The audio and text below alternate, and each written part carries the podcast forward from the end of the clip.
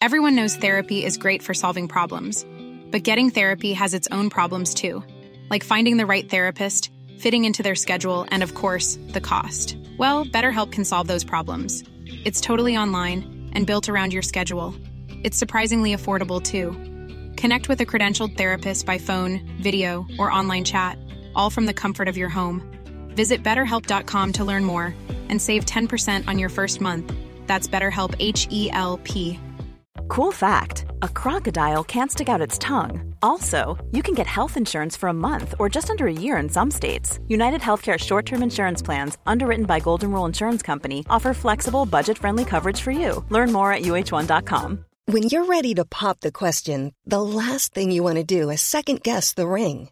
At Bluenile.com, you can design a one of a kind ring with the ease and convenience of shopping online. Choose your diamond and setting. When you find the one, you'll get it delivered right to your door. Go to Bluenile.com and use promo code LISTEN to get $50 off your purchase of $500 or more. That's code LISTEN at Bluenile.com for $50 off your purchase. Bluenile.com code LISTEN.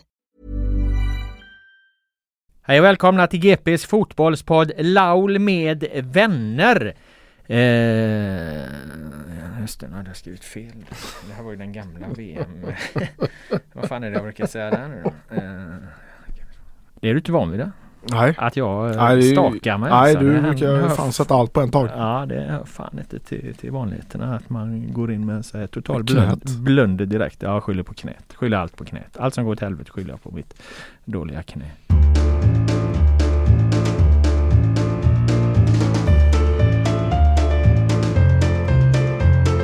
Hej och välkomna till GPs fotbollspodd Laul med vänner som fokuserar på fotboll i allmänhet och fotbollen i väst i synnerhet.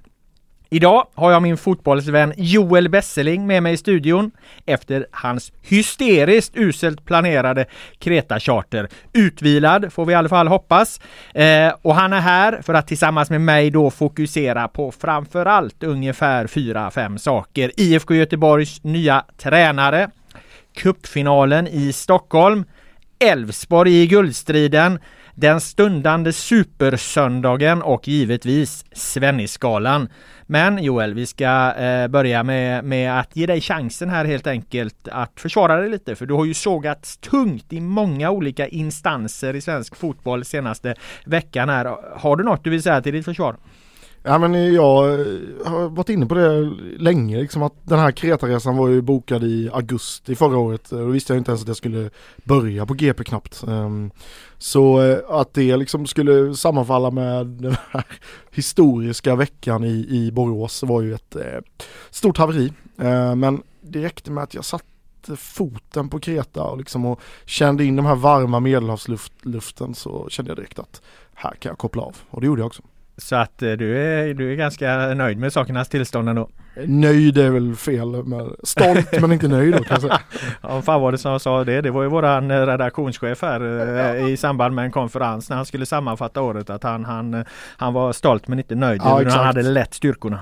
Precis, lite så känner jag över den här Kretaresan också. Ja. Eh, nöjd med det försvaret? Tycker du att du liksom du, du har bemött kritikerna på, på ett tillräckligt eh, kraftfullt sätt här i och med detta? Eller Ja, vi lägger den här saken till handlingen? Ja det tycker jag, men man kan väl säga att eh, visst det, det var någon där Eh, Elfsborgs eh, sportchef på ungdomssidan, Tony Lundqvist sa till mig att eh, kan du åka dagen efter? Men det funkar inte riktigt så när man har småbarn och sådär, man kan liksom inte lämna allt i händerna på, på sambon och så. så att, eh, jag, jag tycker att mitt försvar är eh, borde vara godtagbart. Ja, okej. Men Elfsborgs eh, ledning la sig här och tyckte att, att du eh, kunde väl gott eh, skjutit på flygresan Ja precis, exakt. Mm. De tyckte att GPs bevakning är så pass viktig där så att de tyckte väl det. Men jag stod på mig. Jag är en man av integritet. så jag... Så du flög ner ändå, Jajamän. och satte dig i Ja. solstolen och, Ja. och Eh, ja men vad bra. Mm. Eh, du ser pigg och, och, och, glad ut även om Tackar. du inte är särskilt eh, solbränd. eh, Men eh, det behöver man inte bli. Eh, vi ska lämna din resa och det och eh, komma in på Elfsborg. Mm. Eh, det ska vi dock göra lite senare. Vi ska ta oss an det som eh, hände senast i vår del av fotbollsvärlden rent kronologiskt. Eh, I alla fall i matchväg. Och det är cupfinalen då i Stockholm på nationaldagen på Tele2 Arena. 3-0 till Hammarby mot eh, BK Häcken FF. En överkörning, en utspelning, en förnedring skulle jag nästan vilja kalla det. Eller skulle jag kalla det. För 3-0 kan ju hända i en serielunk. Du har en dålig dag och allt det Men förlora med 3-0 i en cupfinal. Jag känner att det är stora siffror. Ja, jo men det är det ju. Och det rann iväg rätt fort där eh, också. Um, nej, jag, jag, jag, håller med. Det kan hända liksom i, i en seriematch och förberedelser hit och dit. Men man är så fokuserad på en kuppfinal långt innan. Det är där fokus ligger. Eh, en match, det är då det gäller. Eh, och att åka på 3-0 det är ju tungt, tungt för, eh, för Häcken. Mm, det var, jag var ju där eh, ja. tillsammans med eh, kollega Johanna Josefsson bevakade vi den för GP. Det var en häftig match måste jag säga. Givetvis inramningen då eh, 17 000, över 17, 17 600 åskådare. Det är väl den näst högsta eh, publiksiffran någonsin i, i svensk fotboll då, då. Det här derbyt mellan Hammarby och AIK för två år sedan det drog ju 18 500 så att det är näst, nä, näst högsta siffran någonsin. Den överlägset högsta i en cupfinal. Var också liksom den här eh, stora matchkänslan över det. Det var ganska liksom hårt och tufft, mycket frisparkar, tillknäppt i första halvlek. Eh, mycket på spel kände man och sen så kom ju då de, de här klass och kvalitetsaktionerna från Hammarbys sida i, i andra halvlek där det liksom första målet är ett jättefint snabbt anfall längs vänsterkanten inlägg på Madeleine Janogys panna 1-0 och sen Janogis 2-0 mål, ett klassiskt svenskt fotbollsmål i de här sammanhangen skulle mm. jag säga. Där hon liksom vänder upp och på i högra delen av Häckens straffområde petar bollen till rätta och, och kletar upp den i bortre krysset. Alltså, man kan klaga på att Häckenförsvararen ska ligga tätare och så men hon gör väldigt fin liksom liten touch precis innan så hon får den yta hon behöver och så sätter hon den i den luckan så finns det ett jävla fint fotbollsmål och även 3-0 målet är ju är bra kvalitet av Maike Hamano där så att eh, en häftig fo fotbollsfinal som, som spelades på en, på en hög nivå av framförallt då eh, Hammarby, man kan säga att Häcken var dåliga men man måste faktiskt säga att de här liksom aktionerna som gör att Hammarby till slut vinner matchen. Det går inte att ta ifrån Bayern någonting där. Det, det där är riktigt bra fotboll. Ja, eh, och sen är jag lite nyfiken på mm, du som var på EM förra året. Ehm, hur skulle du liksom klassificera den här inramningen jämfört med EM-matcherna i, i England? Nej, alltså det är ju bättre än många av de matcherna ja. som, som var där. Eh, inte bättre än finalen och givetvis 87 000 på Wembley var ju en, mm.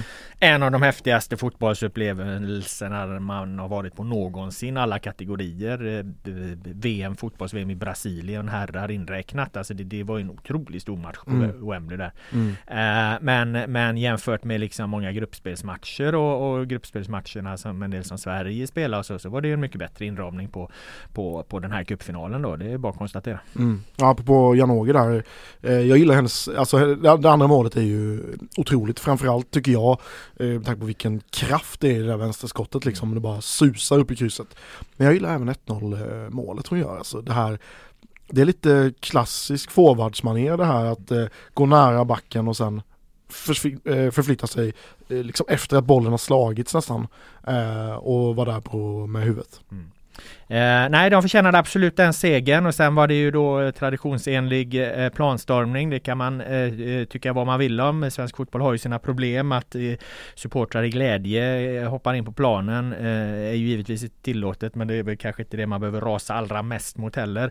Ehm, sen så innehöll ju det en del grejer då när det blir ju lite konstigt. Eh, jag kan förstå Häcken att de var, var besvikna där. För jag menar, det är en prisceremoni. I den prisceremonin ingår att, att, att man ska eh, få silvermedaljer också och då ska, ska ju de Häcken då ut där inför, ja det är väl tusentals eh, mm. Hammarby-supportrar som är ute på planen och, och, som, som börjar sjunga Always look on the bright side of life då liksom. Det här Monty Python och hånfulla Monty Python ramsan och då får, står de och, och får sina eh, medaljer och eh, återigen det är liksom inte, här är inte svensk fotbolls största problem. Jag kan, kan förstå liksom att det, det, det är lite jobbigt att, att, stå där. Det kanske inte känns riktigt värdigt när man har förlorat den matchen och behöver få det där också liksom. Alltså ska man ha den här prisceremonin ute på en arena och, och så, så kanske man faktiskt ska för, för, fundera över det där. Ja, det Ja det är lite dubbelbottnat tycker jag för ja. samtidigt så behövs ju kanske den här typen av eh, alltså hets inom eh, liksom rätt gränser kanske behövs i, i damfotbollen för att skapa det här intresset. Mm. Det har vi pratat om tidigare här. Ja. Samtidigt som jag kan förstå de här enskilda spelarna liksom som är, som är där och, och mm, har spelat en tuff cupfinal och åkt, Mm. åkt dit på, med 3-0 liksom. Att det känns lite jobbigt. Eh, Det Mm. kan jag verkligen förstå. Samtidigt som, ja, det, man kanske ska vänja sig också.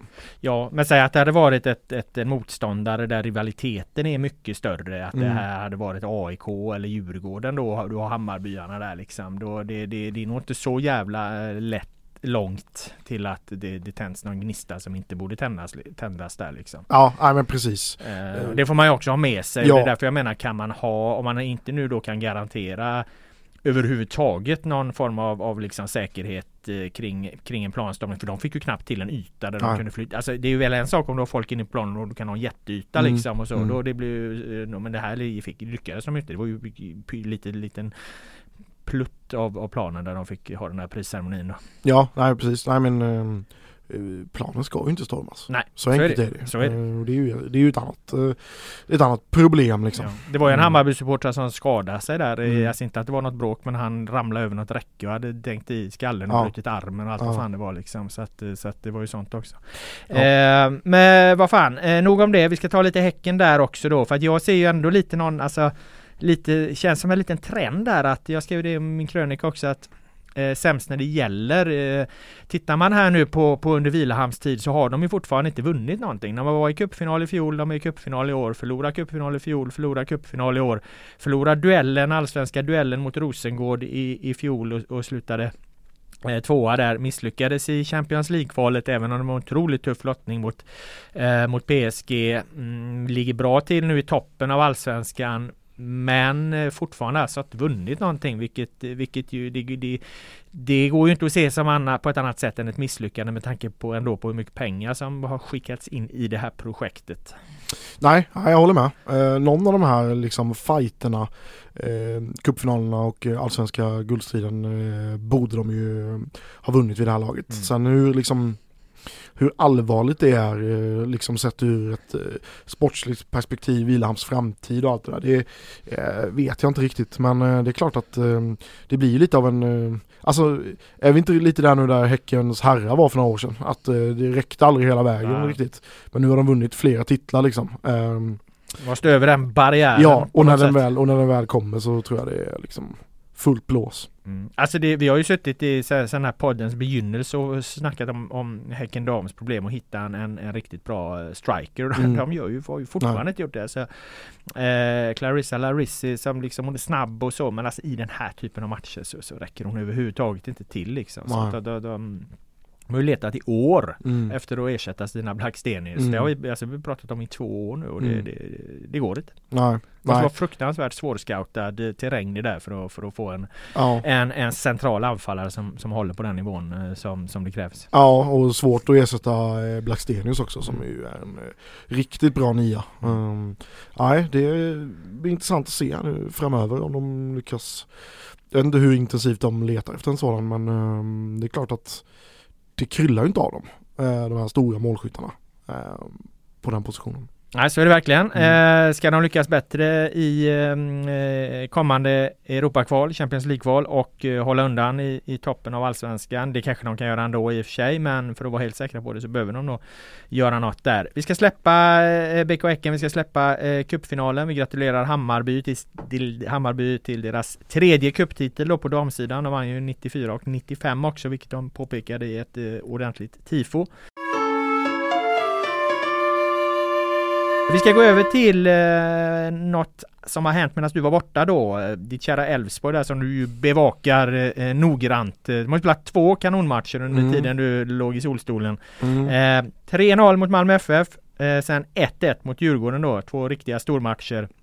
Där den första då eh, är någon form av historisk eh, Mm. händelse i Borås kändes det som. Mm. Eh, men eh, det där har vi pratat om ganska mycket. Jag är nyfiken på, på liksom vad du har tagit till dig av de här matcherna och den här utvecklingen när du, när du liksom har följt det med på distans. Så. Vad, vad, är det något som har överraskat dig eh, eller är det något vi som bevakat Elfsborg under tiden du var borta har missat liksom som, som du tycker är relevant att trycka på? Du behöver liksom inte eh, dissekera matcherna i, i detalj men eh, har du något där du, du, som har slagit dig? Nej, inte som ni har missat så utan eh, det som eh, det som har slagit mig är att eh, jag blev eh, väldigt förvånad över att de sopade till Malmö FF eh, eh, så pass eh, ordentligt. Och nästan, inte riktigt lika förvånad, men jag blev också förvånad över att de inte lyckades slå eh, Djurgården hemma. Eh, även om Djurgården tycker jag var rätt bra ehm, stundtals. Men ehm, nej, den, den stora grejen, det finns flera stora grejer för mig än de här matcherna.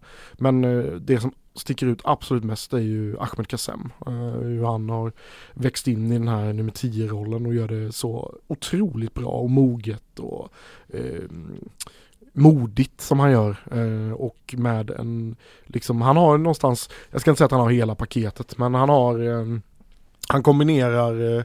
Eh, Kombinerar? Ja. Kombinative Kassem, där kom den. Han, han, eh, han har ju både eh, liksom smartness i den rollen men också en enorm arbetskapacitet som ju eh, har gjort att eh, det gynnar laget mer att han spelar där som, som helhet än, äh, än att Michael Beidou gör det. Även om Michael Beidou inte liksom är lysande i sin nummer åtta position så, så blir laget starkare av att Kassem spelar där och det tycker jag är, det var en utveckling som jag absolut inte såg komma bara för två, tre veckor sedan. Nej, det är ju, där är ju fotbollen fantastisk ja. eftersom eh, eh, sånt kan hända liksom. Mm. Eh, du säger att du såg inte, det var ingen som såg det här. Det var ingen som har pratat om Kassem i den här rollen. Är det, är det, ska man credda Jimmy Tillin för det liksom? Eh, ja. Det, ja. ja, det är han man måste credda för det. Ja, alltså i kombination med att ehm, eh, Noah Söderberg gjorde ett par dåliga matcher som gjorde att Kassem fick chansen där från första början. Alltså det, det, när, när Boateng eh, gick sönder så hade det naturliga varit att eh, eller Noah Söderberg var också skadad där. Ja men det naturliga hade varit att spela kanske någon annan där. Eh, Bestfort Sineli var ja, inne ett tag liksom. Ja han var också skadad där och, lite grann. Men det var, det, Kassem var liksom inte lösningen man trodde på eh, där och då. Eh, och att han fick chansen och han var ju du och jag satt ju på liksom Elfsborg-Värnamo där. Ja. Eh, hans första match där. Ja. Han var ju liksom okej okay, men inte lysande. Sen Nej han var in... spännande var ja. han ju då va? Det var, ja, väl då, det var väl då Thelin döpte honom till kombinativ Kassem. Ja exakt. Men vad jag menar med att fotbollen också är fantastiskt det är ju alla de här omständigheterna liksom. Och sen så är det någon annan som egentligen inte skulle ha fått chansen men så tar den människan den chansen. Och det kan ju liksom bli karriärsförändrande liksom bara det här. Alltså han hade kanske fått lite halvchanser på ytter, inte hittat självförtroendet. Men så tar du den här utvecklingen istället. Det, det är fascinerande med fotbollen när det är så. Ja, och det, det säger också någonting om liksom förtroende gör med en spelare. Han har ju inte fått, eh, alltså han har ju, han gjorde ju han har ju tillhört Elfsborg i två och ett halvt år, tillhört A-laget i två och ett halvt år och gjorde sin första start i maj. Mm. Liksom. Uh, så, och, och, han har ju varit lite så här halvt under isen tycker jag stundtals liksom. Att lite grinig, lite så här besviken över att han inte fått spela har det synts som liksom. Eh, och nu när han har liksom fått det här förtroendet och lyfts av lagkamraterna Niklas Hult och Per Frick och alla möjliga. Eh, det är som att han har växt eh, 30 centimeter om man kan uttrycka det så mm. på några veckor bara liksom. Och det du pratar om Frick och Hult där och, och jag har intervjuat dem efter några matcher mm. där och de lyfter ju ofta, väldigt ofta då att, att eh, hur viktigt hans pressspel har varit för, för laget liksom. Det är där nästan de ser de största förtjänsterna. Vi, vi andra, vi tittar mycket på de offensiva aktionerna mm. men det är ju så otroligt viktigt att man har eh, pressspelet där och jag minns en sak du sa i samband med Elf att Elfsborg tvålar till Brommapojkarna där att Elfsborg älskar att möta den här typen av fotbollslag som rullar boll ner, ner, nerifrån egen eh, målvakt och då kan Elfsborg sätta in sin press och, och, och, så här. Jag menar någonstans är det väl det som händer i matchen mot Malmö FF på många sätt. Alltså, jag vet inte om du har sett de siffrorna, vi har skrivit om dem. Mm. Du, du, du har ett bollinnehav på 70-30 till Malmö. Mm. Eh, Elfsborg mm. har, har 250 passningar ungefär. Ja. De lyckas göra, de har bollen typ i, i, i en kvart totalt i den, i, i den matchen. Mm. Eh, Medan Malmö har väl bollen i 40-45 minuter liksom. Ja. Och, och, på den här kvarten då gör Elfsborg tre mål. Så de gör ju liksom utifrån bollinnehav ett mål var femte minut liksom de har bollen. Så att det är otrolig effektivitet och mycket handlar ju om det här liksom att Malmö öste på med sin ideologi, kortpassningsspelet. Elfsborg med sin, eh, det vill säga att, att ett bra pressspel och, och sen snabbt framåt liksom två olika skolor som möttes. Det var en väldigt fascinerande match utifrån det perspektivet och Elfsborg vinner den med besked. Ja, ja, ja, verkligen. 3-0 liksom. Eh, och mittbackarna också i den matchen måste man ju lyfta. Sebastian Holmén och Gustav Lagerbjälke. De har ju de har hittat ett, båda två är väldigt individuellt skickliga. Men nu har de också hittat ett samarbete. Mm. Och det har gjort att det här är ju, ett, det är en riktig guldbacklinje. Är det ju verkligen. Mm. Alltså det, vi ja, pratar mycket om det. det. det, det jag, jag, det, jag skulle nog säga att det kanske inte är ett guld mittfält. Eh, och ingen guldkedja heller men det är en guldbacklinje verkligen. Mm. Uh, ja. Frågan är då om det är en guldmålvakt också för att i den senaste jo, matchen eh, senaste matchen här så hamnar ju eh, ja. eh, vad heter han, Håkan Valdemarsson i, i väldigt mycket i fokus. Det var mm. lite dubbelt, jag skrev krönika om ja. den här matchen. Han, han bjuder ju på eh, eh, Djurgårdens kvittering, det som gör att, att det inte blir 1-0, att Elfsborg inte tar tre poäng utan att de, det blir en poäng då eftersom han kommer ut fel i en utrustning. Samtidigt så har de väl någon form av strategi att backlinjen ska kunna stå högt och att han ska vara där och så men han hade många konstiga utrustningsbeslut där det var väg att gå åt helvete fler gånger. Han rammar ju stackars Haris Radetinak där. Kunde blivit en straff. Eh, säg inte att det borde blivit det men så att det kunde blivit det. Mm. Ehm, och, och, det var några gånger i första halvlek då det också var på på vippen då va. Och så att eh, så han, han orsakade ju Djurgårdens kvittering kan man säga. Eh, men sen så räddade han ju då också Elfsborg vid ett par tillfällen med på otroliga räddningar. Så han både liksom eh, fick dem att tappa två poäng och, och, eh, och rädda en poäng då, eh, för dem då. Eh, så att utifrån det kan man ju fundera lite på, på, på, på hur bra han egentligen är. Nej, men jag, jag håller honom som en guldmålvakt. Ja. Jag, jag ser ehm, eh, vad är det man brukar säga, ett, eh, ett hack i arbetet. Nej, det finns ett uttryck där som jag... Eh, ja, ja, ett hack i kurvan. Ja, hack eller i kurvan eller, ja. ja. precis. Just den matchen mot Djurgården för han har varit så pass bra i år. Plump i protokollet. Plump i protokollet. han, har varit, ja, men han har varit så pass bra i år så att jag, jag håller ändå honom som eh, en av eh, seriens absolut bästa målvakter. Och, eh, jag tror ju inte att Elfsborg vinner guld i år. Men han är en guldmålvakt, så kan man säga. Vad man däremot tror jag kan slå fast med viss eh, eh kraft ändå eh, nu efter 11 spelade omgångar. Man brukar ju säga att tabellen sätter sig efter 10 matcher. Det kan vara eh, mm. 12-13 också. Men jag menar det, det, är ju en tydlig topptrio som har utkristalliserats här med Malmö FF, med Elfsborg, med Häcken och jag, eh, jag, jag, har svårt att se att inte de här tre lagen kommer vara lag som gör upp om, om det här eh, guldet eh, under hösten också. Alltså Elfs, eh, vad heter det, Häcken kommer ju ha Europa så det blir tufft för dem ur det perspektivet.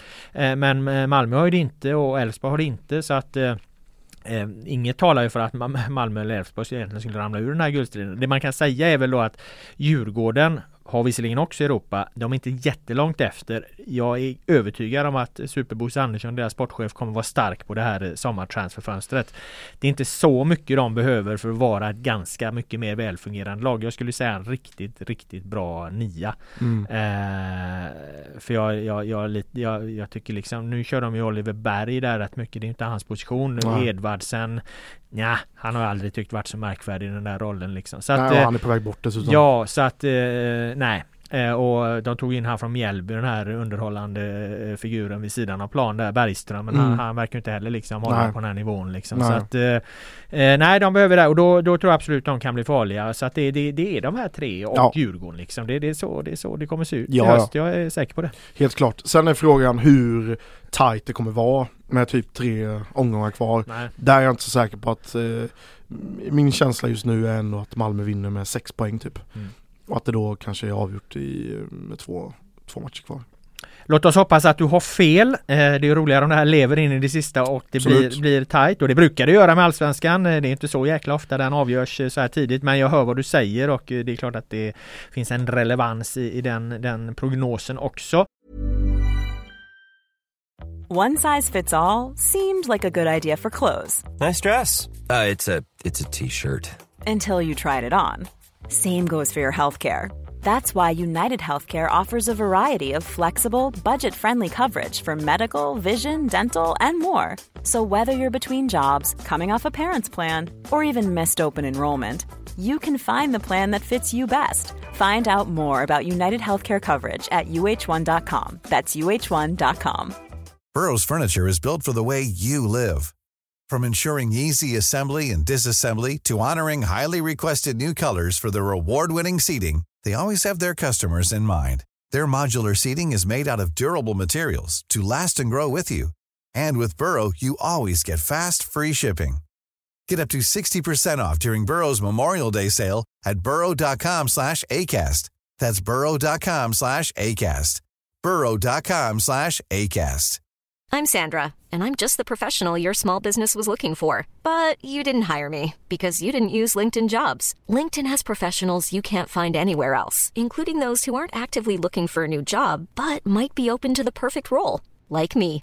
In a given month, over 70% of LinkedIn users don't visit other leading job sites. So if you're not looking on LinkedIn, you'll miss out on great candidates like Sandra. Start hiring professionals like a professional. Post your free job on linkedin.com/people slash people today.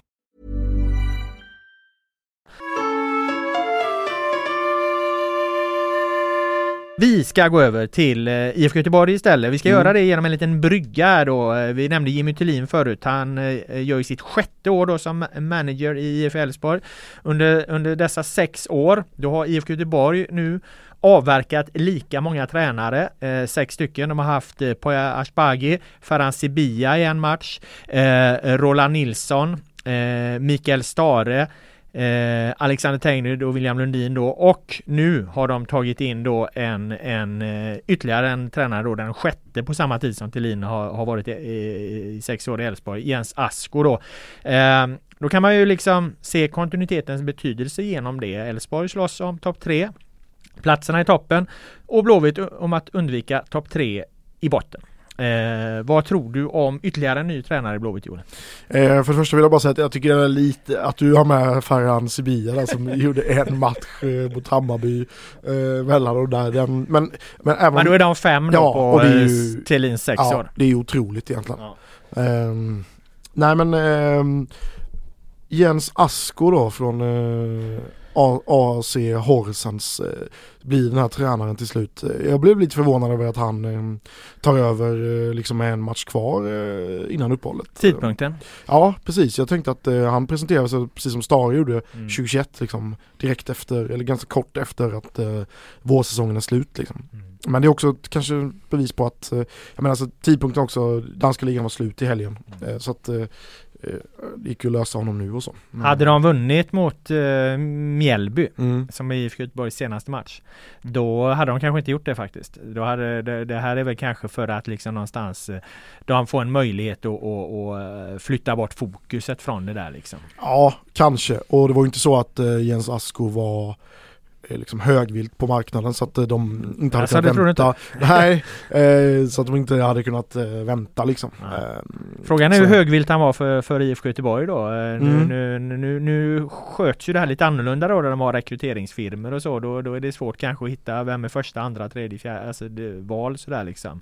Utan eh, och det vet man ju inte då. Har de kommit fram till några andra, några andra skulle passa mycket bättre så. Alltså det, det är ju ett överraskande namn så. Som, Ja. som dyker upp out of the blue liksom. Ja precis, jag har ju svårt att se att det var eh, honom de hade i åtanke eh, nummer ett i eh, april där liksom. Det, det har jag väldigt, väldigt svårt att se. Nej, det kan det inte ha varit. Nej. Och sen får man ju tänka på då, alltså det, det handlar ju inte bara om vad man vill ha här utan det handlar ju om vad kan IFK Göteborg idag få liksom. Mm. Det är ju, de ligger liksom tredje sist och de, de har en klubbdirektör som har som målsättning att de ska vara topp tre. Det är klart alltså det, det, det, det, är ju en tuff arbetsmiljö. Ja, ja verkligen. Och han kommer från en tuff arbetsmiljö med minimala eh, resurser eh, och en ganska begränsad spelartrupp där i Danmark. Eh, och det hade ju varit eh, det är svårt att jämföra med Sverige liksom. Man säger att, eh, att eh, hade han klarat sig kvar där med Horsens så hade det varit samma bedrift som eh, Jocke Persson gjorde sitt första år i Varberg liksom, eller första allsvenska säsongen. Att de klarade sig kvar, för det var ju ingen som trodde på det. Eh, och så gjorde de en rätt bra höst eh, och sådär, eh, Horsens. Eh, men sen eh, klappade de ihop totalt. De har ju, det var väl du som skrev kanske men eh, de har ju ett sämre fas, hade ju ett sämre fas än vad liksom Blåvitt eh, har den här våren. Blåvitt har en seger på 11 matcher och de hade en seger på 15. Horsens. Ur asko i elden, eller vad säger man? Han var dålig. Ja det var riktigt svag. Välkommen till Göteborg eh, Jens. Nej men ehm, vad, vad tror vi då? Alltså jag, Nej jag, men jag, alltså jag är så jävla luttrad eh, Mm. Joel va? så att jag tror ju varken det här kommer göra till, eh, från eller till egentligen. Nej, alltså, jag, jag, det. jag har aldrig tyckt att tränaren kortsiktigt så har den betydelsen. Alltså visst absolut en, en, en jättesnabb effekt kan man ju få. Mm. Eh, med ny röst, ny energi och allt det här liksom. Men, men alltså varje gång det har kommit in någon ny tränare någonstans utan att spelartruppen förändras, då ramlar det ju tillbaka i ungefär samma resultat igen. Det, det, det slog väldigt, jo, väldigt sällan fel. Ja. Eh, jag menar Stare Eh, Eh, Roland Nilsson eh, var tränare för Blåvitt. Eh, hade vissa resultat. De tog in Stare, ungefär samma resultat. Stare tränare, eh, sparkas, de tar in Tengryd, ungefär samma resultat, lite sämre till och med. Eh, Asko in, Gör de inga fler förändringar utan bara här då, då, då blir det här eh, Ja, vad, vad fan ska han få ut mer av det här laget? Vad fan är en 40-årig dansk utan meriter? Alltså jag, jag ser inte varför han skulle vara bättre än Micke Stare. Varför skulle han vara bättre än, än Tengryd Lundin liksom? Eh, ja, ja, jag har svårt att se det. På lång sikt, eh, som det, detta ändå handlar om. Vi är väl alla överens om att Blåvitt topp 10 i år är liksom inte Alltså det, det blir de ju troligen inte. De blir 10-11 som mm. bäst liksom. Då handlar det ju någonstans om nystart nästa säsong. Och där tror jag ändå att i min värld så, eh, jag gillar den här typen av tränare liksom mm. som eh, eh är lite mer, eh, pratar lite mer om eh, liksom eh, snabb, direkt fotboll på ett modernt sätt, flexibla system, skicklig retoriskt, bra på att liksom framföra sitt budskap, vad jag har hört så är han väldigt bra på att liksom se alla, jag läste igår att han liksom kunde namnet på i princip alla U19-spelare när han, när han kom dit liksom och allt det här. Och han, hans dörr är alltid öppen vad jag förstår det som rätt. Um, för mig så är han liksom eh, att ta ett Blåvitt in i framtiden när, när liksom klubben, spelsystemet, identiteten ska moderniseras. För det är enligt mig Blåvitts stora problem de senaste åren att deras identitet har inte moderniserats. Den lever i en i en annan tids liksom, era. Eh, då tror jag att en sån här tränare är mycket bättre än Micke Stare. William Lundin och Alexander Tengryd. Jag skulle lägga dem i en liksom, ännu mer spännande, framförallt Lundin, i en kanske ännu mer spännande påse än Asko. Men de har ju inga, alltså de har inga ingen erfarenhet. Ja, men det har ju knappt han heller. Jo men han har ändå varit huvudtränare i tre säsonger var det i danska superligan. Det är ändå en skillnad mot eh, Tengryd, eller Lundins eh, år i division 1 liksom. Ja, det, det, är någonting som är spännande med honom. och jag håller inte med dig om, ja. Vänta bara, fotbollsmässigt mm. så står han ju väldigt likt för vad, vad, vad Tengryd ja. Lundin har försökt göra här liksom. Ja. Och, och um, han tryckte ju på vissa saker här att, att du måste ha snabb, du måste ha eh, snabbare spelare. Mm. Du måste ha eh, snabbare aktioner, eh, eh, intensivare pressspel och så här. Jag köper allt det. Det är mm. modern fotboll. Det är så Häcken spelar, det är så Elfsborg spelar, ja. det är så väldigt många vill spela. Ja. Men Marcus Berg kommer mm. inte vara bättre på att hålla upp ett pressspel på den nivån Eh, bara för att Asko kommer in och står och gapar, skriker, är tydlig, kan namnen på, på mm. spelare i U19. Mm. Mm. Eh, inget av det kommer göra Marcus Berg bättre. Ingen, ing, ingenting kommer göra att Sebastian Hausner blir en bättre eh, mittback. Eh, in, deras yttrar håller liksom inte måttet. Så att, det, vad jag menar med, med det är att det får ingen effekt om du tar in den här, hur jävla bra han än är, för han vill göra saker som den här truppen har försökt göra under våren, men som de liksom inte riktigt har kvaliteterna och då måste du tillföra mm. X antal spelare. Och där köper jag det. Där köper jag ditt resonemang till 100%. Tar man in de spelarna som passar med det han vill göra, mm. då kommer man över tid mm. få en effekt. Men IFK Göteborg ger ju inte sina tränare tid. Nej. De får Nej. ju inte vara kvar. Nej. Utan går det här dåligt liksom, då ska han ju sparkas. Mm. Jag tror inte IFK Göteborg åker ur. Åker de ur, då kommer de säkert sparka honom. Mm. Fastän det inte är hans fel. Mm. För att det är så Håkan Mild fungerar, eller så Håkan Mild har fungerat hittills. Mm.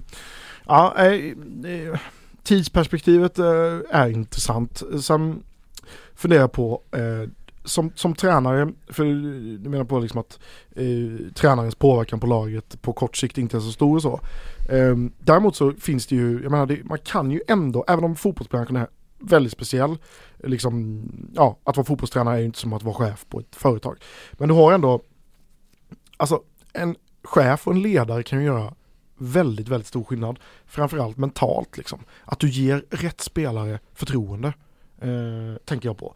Jag, tr jag, tror det kan dyka upp spelare som inte har presterat i Blåvitt hittills. Som nu kan få en jätteskjuts av det här. Sådana grejer kan hända. Mm. Sen tänker jag också, du, du ger exempel på eh, Rolle och Stare. Liksom att, ja men det gick ungefär likadant. Men det finns ju väldigt bra exempel åt andra hållet också. Jag tjatar mycket om Henrik Rydström. Mm. Men hans trupp i Kalmar FF 2021 identisk med den Nanne Bergstrand hade 2020. Och han fick ju dem att spela en helt annan fotboll.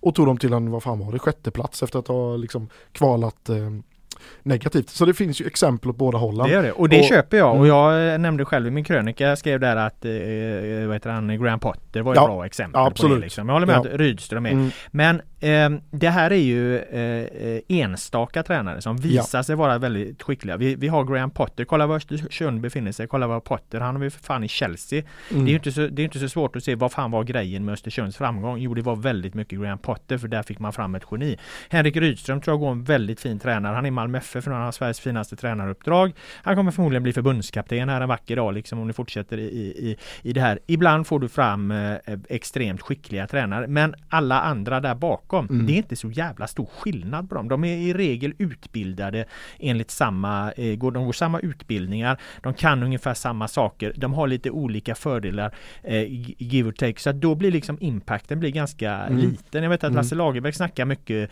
på sin tid om att en tränare betyder 10-20 procent liksom Mm. av ett lags framgång. Tar du en poängskörd, om du översätter det i poäng, en lag som har 50 poäng 10 procent av det, det är 5 poängs skillnad liksom Mm. upp eller ner. Alltså det, det, det, det, visst, du kan träffa rätt. Det kanske är en ny Graham Potter, den här Jens- Jens Asko som IFK Göteborg har hittat. Det kanske är en ny Henrik Rydström. Jag har bara väldigt svårt att tro det. Ja det har jag också. Eh, däremot så eh, om eh, Blåvitt kommer liksom 11 i år till exempel, då får han ju vara kvar. Annars är det ju liksom vansinne. Ja det måste han ju få. Ja, Men det, och jag, då- jag, jag tar inte gift på det. För Nej. de resonerar ju helt Mm. uppåt väggen. De fattar Mm. ju inte betydelsen av kontinuitet. De skickar ju människorna bara för att, ja vad fan de nu gör det. Varför gör de det? Jag fattar inte det. Nej det, det, det förstår inte jag heller. Det är ju, men det är ju ett annat tryck på, på Blåvitt än vad det är på många andra klubbar. Liksom. Så. Men ehm, eh, det jag tänker är att när han väl får ett sommarfönster och ett vinterfönster på sig att sätta sin trupp mer eh, och kanske bli av med de här eh, veteranerna. Liksom. Jag säger inte att de är dåliga, de är jättebra och viktiga men eh, att liksom bygga upp en annan kultur i laget tror jag eh, kan gynna honom och då kan nog mycket väl Blåvitt bli sjua nästa år liksom. Mm. Och då tror jag att då måste man någonstans också börja nöja sig lite med det. Ja. Liksom. Är, nu, nu, nu, nu, jag fattar inte riktigt alltså det, besvikelsen över att de var åtta två år i rad. För att de, de har inte på pappret varit. Det är ingen i hela jävla fotbollssverige som har tippat dem högre än åtta de Nej. senaste åren. Det Nej. är bara de själva som inte fattar att, Mm. att, att det, det där var helt okej liksom. Mm. Mm. Eh, så att nå- någonstans där självbilden i balans, ge Asko lång tid, ge han tre och ett halvt år. Mm. Kolla vad fan de, vad har de, alltså IFK Göteborgs tabellposition förutsatt att de klarar sig kvar, den mest relevanta det var de slutar 2025, 2026 kanske. Det, Mm. det kan vi lägga en värdering vid. Det var de slutar 2024, skit i det. Och vägen dit, på vägen dit så måste de sälja spelare för mer pengar. Mm. Ja. Det och, det och det är egentligen hela essensen i mitt resonemang Joel. Ja. Alltså jag är så jävla trött på att man hela tiden tittar på tränare. Tränare ska göra si, tränare ska göra så. Det används hela tiden som förklaringsmodell på det dåliga och det bra när, precis det du säger, handeln med spelare är en så otroligt mycket större del av, av eh, framgång eller eh, negativ framgång för en, för en klubb. Det är ju liksom vad har du för spelare på planen? Vad gör du för affärer på dem? Det är så otroligt mycket större betydelse i det. Ekonomi, transfers, allt där. Det betyder så otroligt mycket mer än själva tränaren. Och Mm. det, det, det, det är egentligen det jag argumenterar mot. Den skevheten i det att man hela tiden knyter, eh, knyter resultaten till tränare. Det, Mm. det, det funkar inte så. Sen beror det på vad tränaren har för roll också ju. Alltså typ i Elfsborgs fall så är ju Jimmy Tillin högst involverad i vilka som värvas liksom. Ja. Så att han ligger ju bakom att de har fått, eh, han är ju en väldigt stor del i att de har fått en mycket bättre Ja, ekonomi. och där har du också den långsiktigheten i det. Liksom. Ja. Som, som, Men där har du inte samma tryck liksom. Nej. Hade, hade en Blåvitt-tränare presterat det Jimmy Tillin gjorde 2018, eh, han hade rykt. Likadant 2022. Eh, men det, det trycket finns inte. Och sen har liksom Stefan Andreasson skapat sig ett, eh, ett kapital liksom i, i Borås som gör att Men jag, jag, jag köper inte det heller riktigt liksom för att det där är inte något givet det här med trycket så. Jag menar, är du en stark Mm. ledare, har Mm. du lite ryggrad, då Mm. ska du kunna stå emot. Det är det Ja. som är, då är du en bra ledare. Ja. Hade Håkan Mild kunnat stå emot, ja då, då, hade jag, då hade jag aldrig klagat på honom för han har varit en bra ledare. Mm. Men nu viker han ju ner sig per automatik för det, för att det är sånt tryck på det. Mm. men stå emot trycket då. Mm. Vad fan är problemet? Men vad slutade då någonstans? Liksom? Det är ju det också. Att, eh, men vi har sett exempel på liksom, klubbledare i både fotboll och hockey som har råkat illa ut liksom. Mm. Så att eh, det är ett jäkligt högt pris att betala. Jo så är det ju Mm. men, men eh, återigen eh, Mm. du, du, De gör det ju inte, de står ju inte emot liksom. Då, då får han väl jagas bort från sin Mm. position då. Då hade jag respekterat honom mer. Mm. Definitivt. Ja. Nej men eh, intressant att se. Det kommer inte vara några stora skillnader mot Sirius liksom. Eh, med Asko som, eh, som tränare. Men det, det blir ju, jag tycker det är ja, väldigt roligt eh, att det händer någonting Mm. eh, kring tränarfrågan där nu. För jag, eh, lite trött är man ju ändå på liksom eh, Tengryd och Lundin. Eh. Men frågan är hur spelarna sa, vi var ju, det, det, var ju många spelare som gick ut och Sebastian Olsson bland annat, vi vill inte ha en ny tränare. det här. Undrar hur fan det påverkar internt. Nu blev det en ny tränare i alla fall. Mm. Vad, tänk om, om jag, alltså jag har ingen aning men det, det är ju det är ett jävla liv internt. Det har man ju ingen aning om. Nej men De brukar ju vara bra på att underordna sig och rätta in sig Ja, ledet. så. spelare ska ju inte lägga sig i det egentligen. Nej, nej, alltså, nej, jag tycker de har gjort helt rätt Blåvitt där Mm. Jag såg Marcus Berg fick frågan om har ni blivit inbollade i den här tränardiskussionen? Nej, ingenting. Och det är ju helt rätt. De ska inte vara med och Nej det håller jag med om. blanda sig in det. Det håller jag med om. Eh, Då får man liksom schema, kan man få schema Ja, ja, maktpositioner. nej, det håller jag med om. Det är alltid så jävla olika. De som spelar tycker ofta tränaren är bra, de som inte gör det tycker han är dålig och så vidare Mm. och så vidare. Så att man kan inte lägga för stor vikt vid vad spelarna tycker liksom. Det, det finns extrema exempel när man det här klyschuttrycket tappar omklädningsrummet och det där. Men normalt sett så ska inte spelartruppen tillsätta eller eh, avsätta fotbollsspelare utan det måste skötas på ett, på ett mer professionellt sätt. Nej, precis. Eh, men eh, bottom line i alla fall ska IFK Göteborg kortsiktigt eh, under Asko skaffa sig lite arbetsro, kunna titta uppåt istället för att befinna sig i, i det, det här liksom där de befinner sig nu. Då behöver de eh, alldeles oavsett värva. Jag tror, jag tror att de behöver värva en ny anfallare. Marcus Berg går åt fel håll såklart. Det är ädelt och beundransvärt på alla sätt att han sliter på men han är märkt av, av, av Mm. sina skadebekymmer såklart. Suleiman Abdullahi har ju inte riktigt eh, funkat för att uttrycka det försiktigt så de behöver en ny anfallare. Jag tycker de behöver två nya yttrar. Jag tycker inte Markovic Norlin håller för att eh, IFK Göteborg ska ta nästa steg.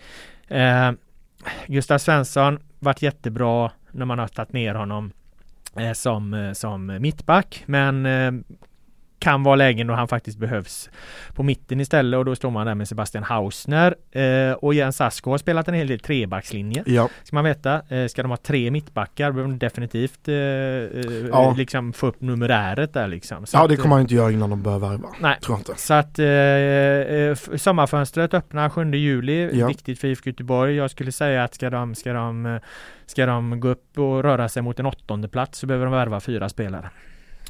Ja, det, så kan det mycket väl vara. Eh, och det är intressant det du säger att de behöver en nia för eh, då kan man tänka så här, mm, har Horsens en bra nia som han skulle kunna ta med sig? Men det finns ju absolut inte där.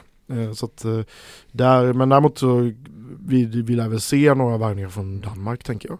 Eh, Ja, så blir det ju alltid när, Ja. eller ja, men jag ska, några värvningar lär vi se för det Mm. blir ju alltid när en ny tränare då brukar han få en, en, en, en liten pengapung. ja, Och, och, men frågan är bara då, är det han som, vilket mandat har han över eh, ja, spelarrekryteringen? Du har liksom en chefscout där liksom som, som heter Stig Torbjörnsen som har jobbat de senaste två fönstren. Eh, du, har, du har ett sportråd som sköter det där. Eh, Ola Larsson har kommit in som teknisk direktör. Vet du hur Mm. mycket han lägger sig i det? Eller, ja. ja. Det är många kockar där som ska, ska tycka till och de senaste fönstren har ju värvningarna inte imponerat. Det kan man inte säga i alla fall. Nej, verkligen inte. Jag vet inte vad, vad han har ställt för, ehm, för krav där. Men det, det man vet är att han kommer från en, liksom en dansk tradition med väldigt starka sportchefer som bestämmer väldigt mycket över värvningar och så. Så att jag tror inte han har liksom krav på sig att, eh, för det var ju inte så att han kände att eh, ja, jag har det så pass bra i Horsen, ska jag gå till Blåvitt så krävs något riktigt bra utan det var ju snarare oj, IFK Göteborg vill ha mig. Jag åker snabbt över bron, E6an. ja men liksom, är det klart Du att tror han han... kastar sig på detta? Jag tycker han är modig så han sätter sig på Mills Ja jag vet att katapultstol. du skrev det men vad fasen, han har inte överdrivet mycket att förlora egentligen på att ta över ett lag som Nej. ligger i botten av Nej det har allsvenskan. han verkligen inte. eh, Han kan få sina jobb i, i Danmark igen sen liksom. Så Men det är ändå inte bra att ha två, säg att han skulle degraderas med Ja, Blåvitt nej. här nu, då har han åkt ur med två lag på raken. Det, det, ja, det är ju han jätte... har Det är åkt ingen, ur innan dess också. Ja, jo, men han hade väl Torshamn där på eh, Nå, men där gick det ju skitbra, Ja jag liksom. menar det. Så Men, att eh, han, han i så ja. fall har han Ja. åkt ur med två lag på, på Mm. raken och det är väl ingen Mm. jättebra start på Nej, tränarkarriären. nej så är, så är det ju. Eh, ja, jag, det ska bli eh, intressant att se vad han får för kortsiktig effekt. Jag tänker faktiskt inte på det. mm. nästan alls. Jag tänker på det långsiktiga. Mm. Men, ja. Och det tycker jag är rätt. Det är ju så Ja. man ska tänka. Problemet är att nu pratar vi om IFK Göteborg. Ja. De har haft sex tränare på Jimmy Thulins sex år liksom. Mm. Det säger någonting.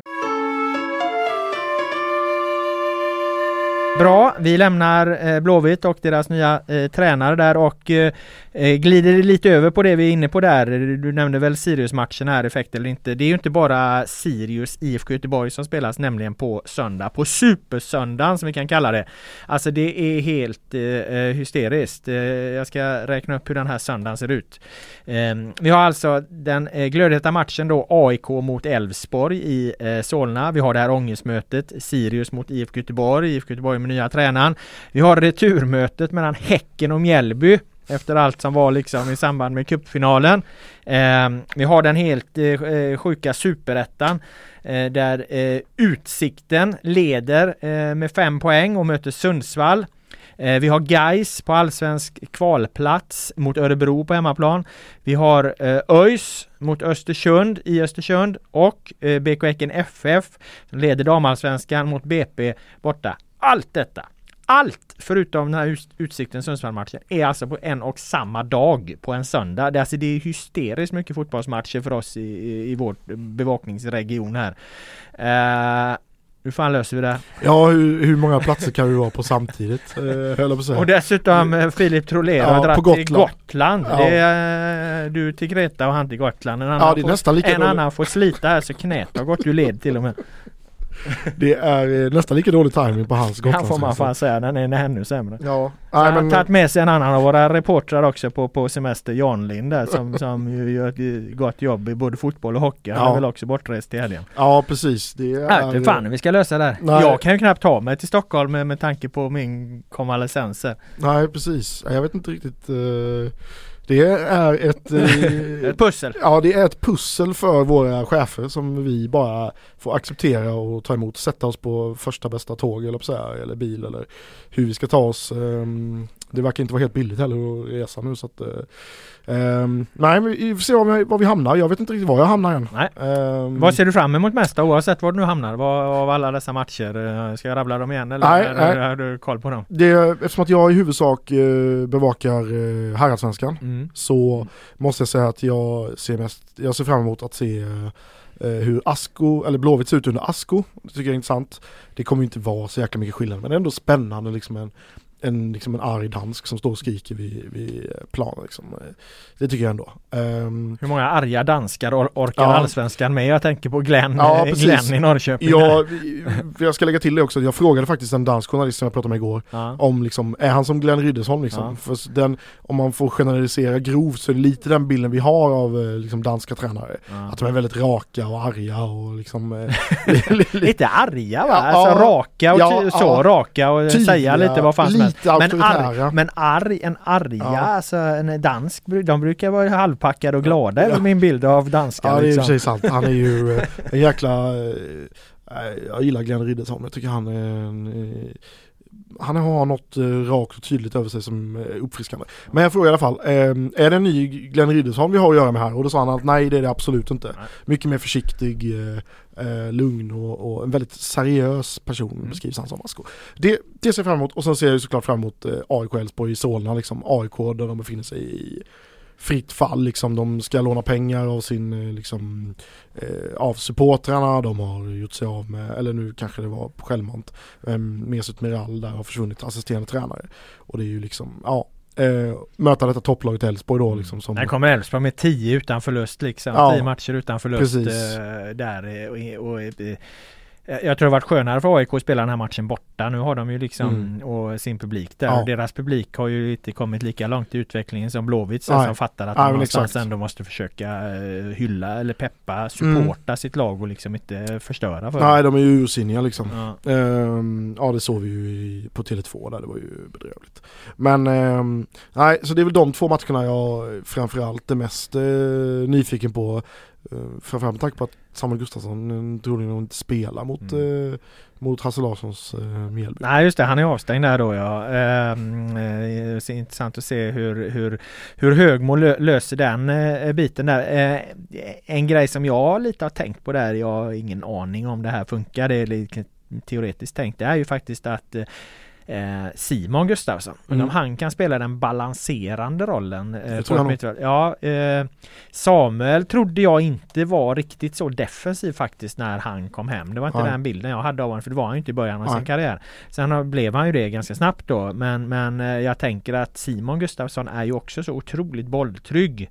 Sen vet jag inte hur han riktigt han är i positionsspelet och han är, chans, är ju lite mer chans, chansar ju lite mer i sitt spel. Men det gör å andra sidan Samuel också, bara att han lyckas hela jävla tiden. Så att, eh, mm. eh, det känns som att eh, Samuel också är lite mer dynamisk fysiskt. Jo, alltså ja, exakt. lite rörligare ja. i sidled ja, och, jo, så är det, hans kropp känns som att den mår lite bättre än Simons. Så, så, så, så, så är det ju absolut mm. liksom. Men, men, men, men jag undrar om han ja, inte skulle, skulle fixa det ändå Simon. Mm. Det skulle vara intressant att se honom där. Mm. Den, ta det ansvaret liksom så som, som ju Samuel liksom har gjort. Ja, precis. Eh, sen är det ju då, jag nämnde där, alla de här matcherna spelas ju på samma dag förutom Utsikten då eh, mot Sundsvall. Jag menar Utsikten leder Superettan med fem poäng nu före mm. Västerås. Mm. Alltså mm. det är helt sinnessjukt. Mm. Eh, alltså det, det, är ju knappt en klubb det här. Eh, Nej. På väg upp i Allsvenskan. Ja, ja det är helt, helt uh...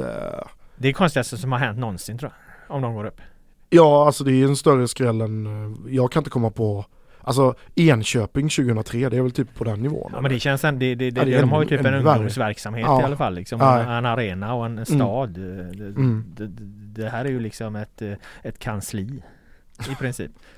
Hela klubben är ett enda kansli. uh, nej jag håller med. Det är, uh, vad är det som är på väg att hända liksom? Mm. Det kommer ställa rätt mycket frågor också när en, en klubb så som, som de får, kommer få så mycket pengar. Mm. Alltså för det får man ju när man går upp i mm. Allsvenskan mm. nu.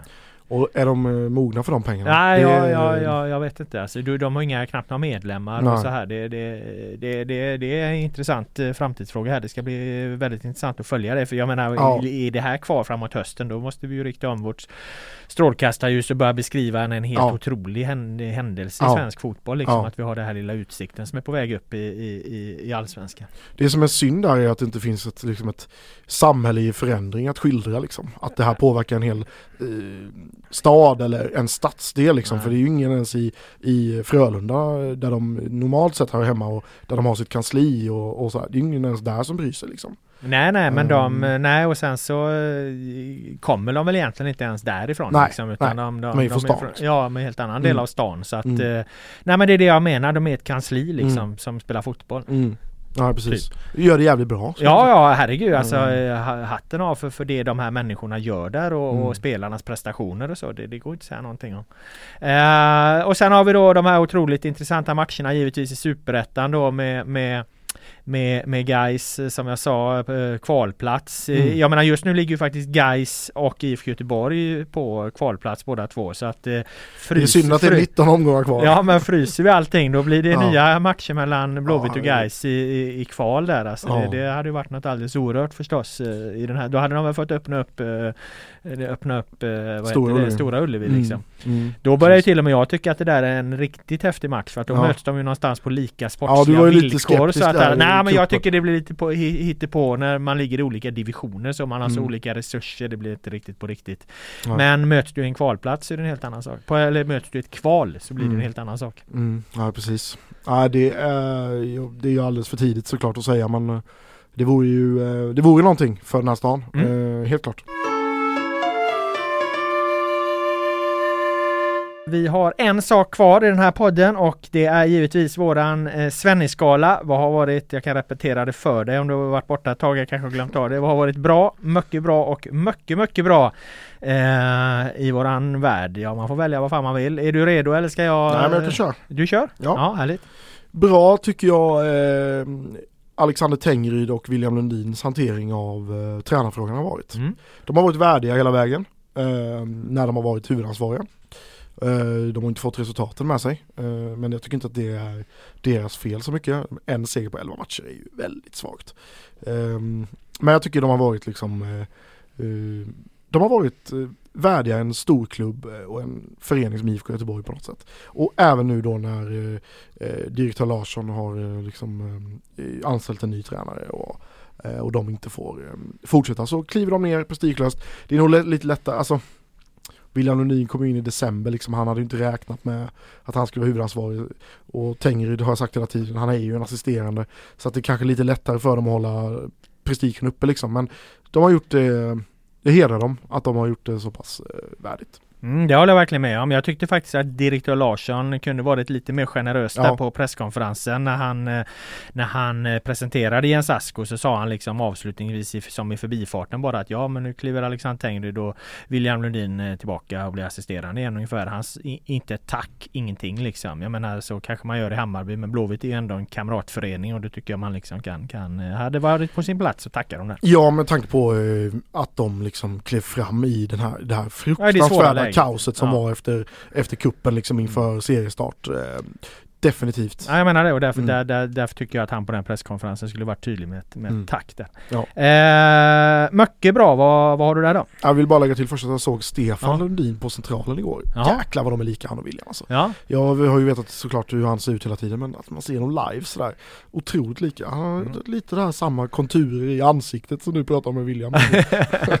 den där eh, Serie A-titel, ja, Milano-auran äh, ja. Ser pigg ut eh, Stefan Lundin. Vi mm. kanske får återinföra det som Aftonbladet under Lasse Anrell hade på när det nu var 90-talet. Lika som bär. Ja, men har du hittat det då. Men, men det är inte så konstigt. Far och son kan man inte ha med Nej det är väl sant i och för sig. Men de lika som bär enligt dig i alla fall. Fan vad stort det var när jag fick in en sån lika som bär som jag skickade in till Lasse Anrell när jag var liten. Jaså berätta. Ja, eller när jag var liten, jag var tonåring. Jag skickade in eh, Ambrosini i Milan och Peter Stormare.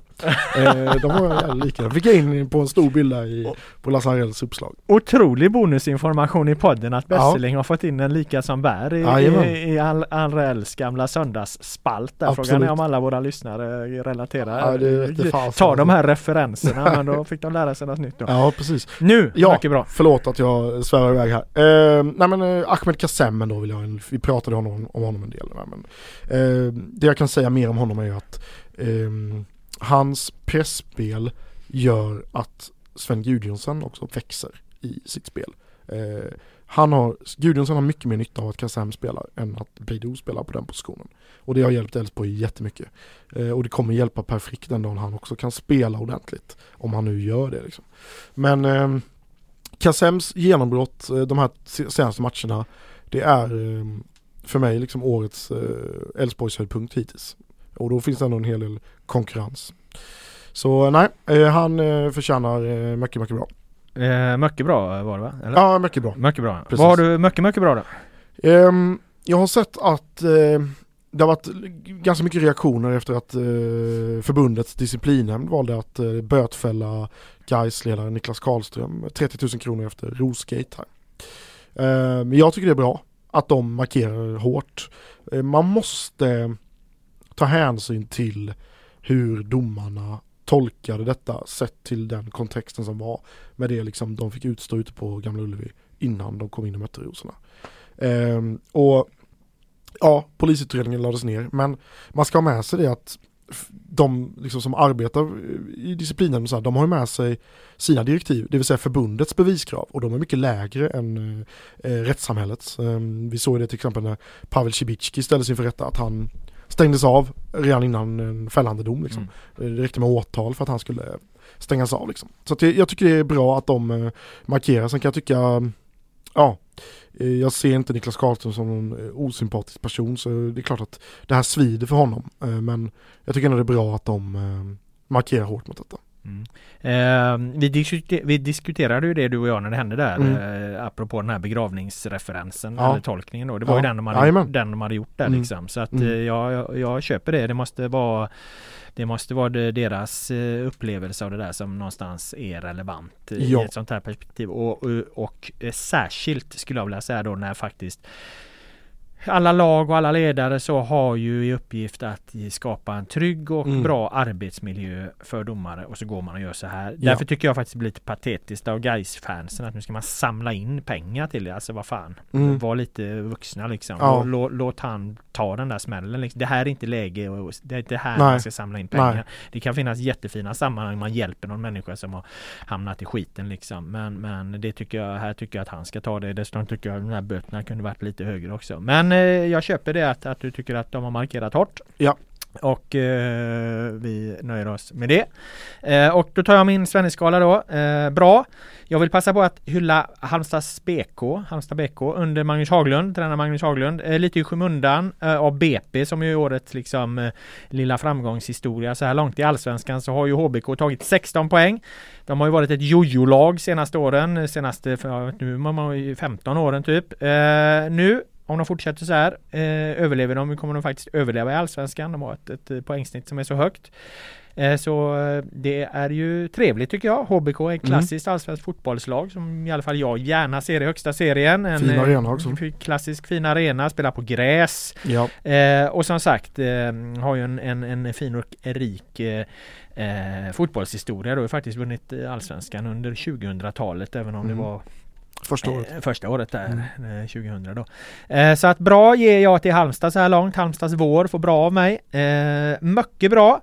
Eh, vi pratade om det här mycket förra veckan, jag och Filip, när du inte var här Joel. Eh, alltså de här ordningsstörningarna och, och eh, kaotiska scenerna i, på, på, på Tele2, där AIK-fansen och allt det här. Så det har vi gått igenom väldigt eh, eh, noga. Det har ju tagit lite mer turer. Regeringen har blandat sig i. Justitieminister Gunnar Strömmer har haft ett möte med Svenska Fotbollförbundet. och jag tycker att som helhet att eh, SVFF-ordförande eh, Fredrik Reinfeldt faktiskt har imponerat som SUFF-ordförande hittills. Så jag menar det, det, det, här ska man ju då veta att eh, för en, en socialist så svider det att, att hylla han före detta moderat statsminister. Men han, jag tycker faktiskt han har varit, hittills varit bra i sin roll. Han är retoriskt skicklig. Det är tyngd bakom det han säger. Ehm, eh, när det handlar om den här våldseskaleringen då på arenorna. Nu handlar det om att gå från ord till handling också. Eh, men, men eh, jag tänker att Reinfeldt kanske har större ambitioner med sitt fotbollsengagemang än vad vi egentligen har trott. Jag tänker lite att han kanske Han kanske vill bli en ny Infantino med tiden, alltså en ny Fifa-boss, alltså Reinfeldt som Fifa-boss innan 2030. Vad ger du mig för odds på det? Han är ju i alla fall lika skallig som Infantino. eh, väldigt höga odds ändå. Okay.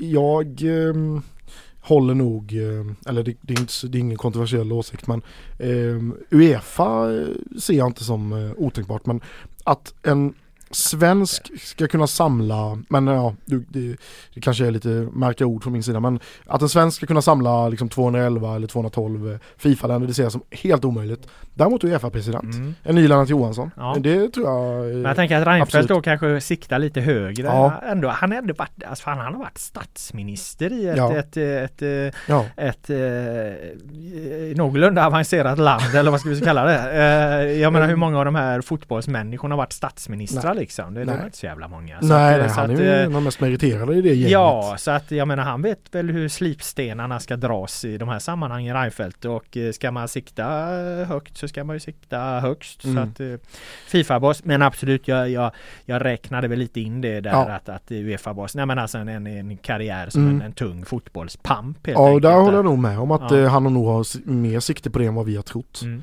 Um, och jag menar det var ju nog inte så många som hade det i åtanke när Karl-Erik Nilsson blir ordförande. Uh, inga jämförelser mellan dem Nej. De är ju väldigt olika både ideologiskt och som personer och som ja, retoriker och allt sånt. Ja. Men uh, jag menar han har gjort en Uefa-karriär liksom. Han sitter ju i um, Uefas exekutivkommitté liksom. Men uh, jag håller med. Jag ja. tror Reinfeldt är sugen. Bra, och sen då eh, avslutar vi allting med min mycket, mycket bra här. Eh, återkommer till det jag började med ungefär. Publiksiffran på cupfinalen då, över 17 000 på den här dammatchen. Eh, det var häftigt. Eh, faktiskt det bästa nationaldagsfirandet jag har varit på denna i övrigt ganska menlösa högtid. Ja, det är intressant att höra din topp tre nationaldagsfirande. Ja det är fan mm. bara en på den. Jag har inget minne av något annat nationaldagsfirande. så att eh, som sagt. Eh, nej men. Det såg riktigt härligt ut. Det måste ha varit varmt på pressläktaren på Tele2. Ja, så in i helvete. Ja. Mm. Eh, nu var matchen klockan tre och solen mm. kom väl typ eh, i andra halvlek men då blir det ju varmt. Jag menar stackars Tord Grip satt ju på den en gång under när solen låg på som värst minns jag från Norrköping på Österrike med. Stackars Grip han stapplar liksom upp där efter vatten liksom. Han var gammal redan då. Så att den är, det är en, eh, det är en eh, snudd på en dödsfälla. Ja, min, mitt största minne därifrån var när Simon Bank var svettigare än spelarna efter, efter en match där. Eh, det var så fruktansvärt varmt. Och han var liksom helt dyngsur i, i skjortan liksom. Så att ja, det är en mm, en utmanande prisläktare. Apropå bank då, Mm. eh, om jag ska ta en absolut sista sak. Så hade jag haft en ytterligare eh, mycket, mycket, mycket bra. Så Mm. hade jag sagt, eh, han gifte ju sig Ja. i helgen Simon Bank med sin, med sin kära Jonna Sima då. Jag var på det bröllopet och han höll ett tal, Simon. Som var bättre än hans bästa krönika. Då Ja. kan du tänka dig Ja. hur, hur det eh, talet var. Dessutom, dessutom sköt han från höften mer eller mindre för att eh, jag tror inte att det kutym på bröllop att eh, de som gifter sig håller tal. Men, men Jonna höll ett tal då, jättefint tal till sin Simon då. Eh, och det visste inte han om. Så att han blev ju tvungen då att hålla ett tillbaka. Ja. Och så fick han då mer eller mindre ta det här, om jag förstår det rätt, på uppstuds. Och det var ju inte ett öga torrt. Folk satt och grät i lokalen. Mm. Alltså det var otroligt. Mm. Jättefint bröllop för övrigt och Mm. mm. jätteglad för för deras skull. Eh, var en liten utsvävning där. Eh, har du inget mer Joel så tackar jag dig för dina kloka inspel och synpunkter. Eh, jag tackar alla er som har lyssnat. GPs fotbollspodd Loud med vänner är tillbaka nästa vecka igen med ett nytt avsnitt. Ha det bra så länge.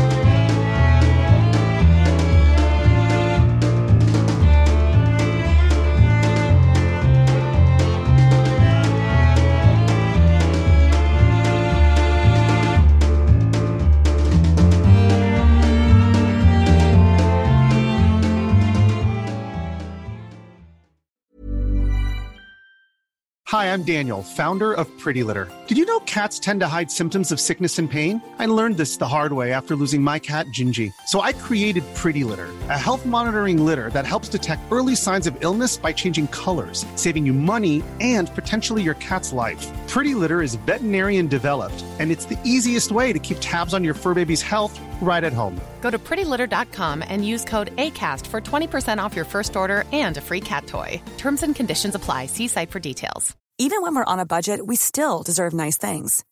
Quince is a place to scoop up stunning high-end goods for 50 to 80% less than similar brands.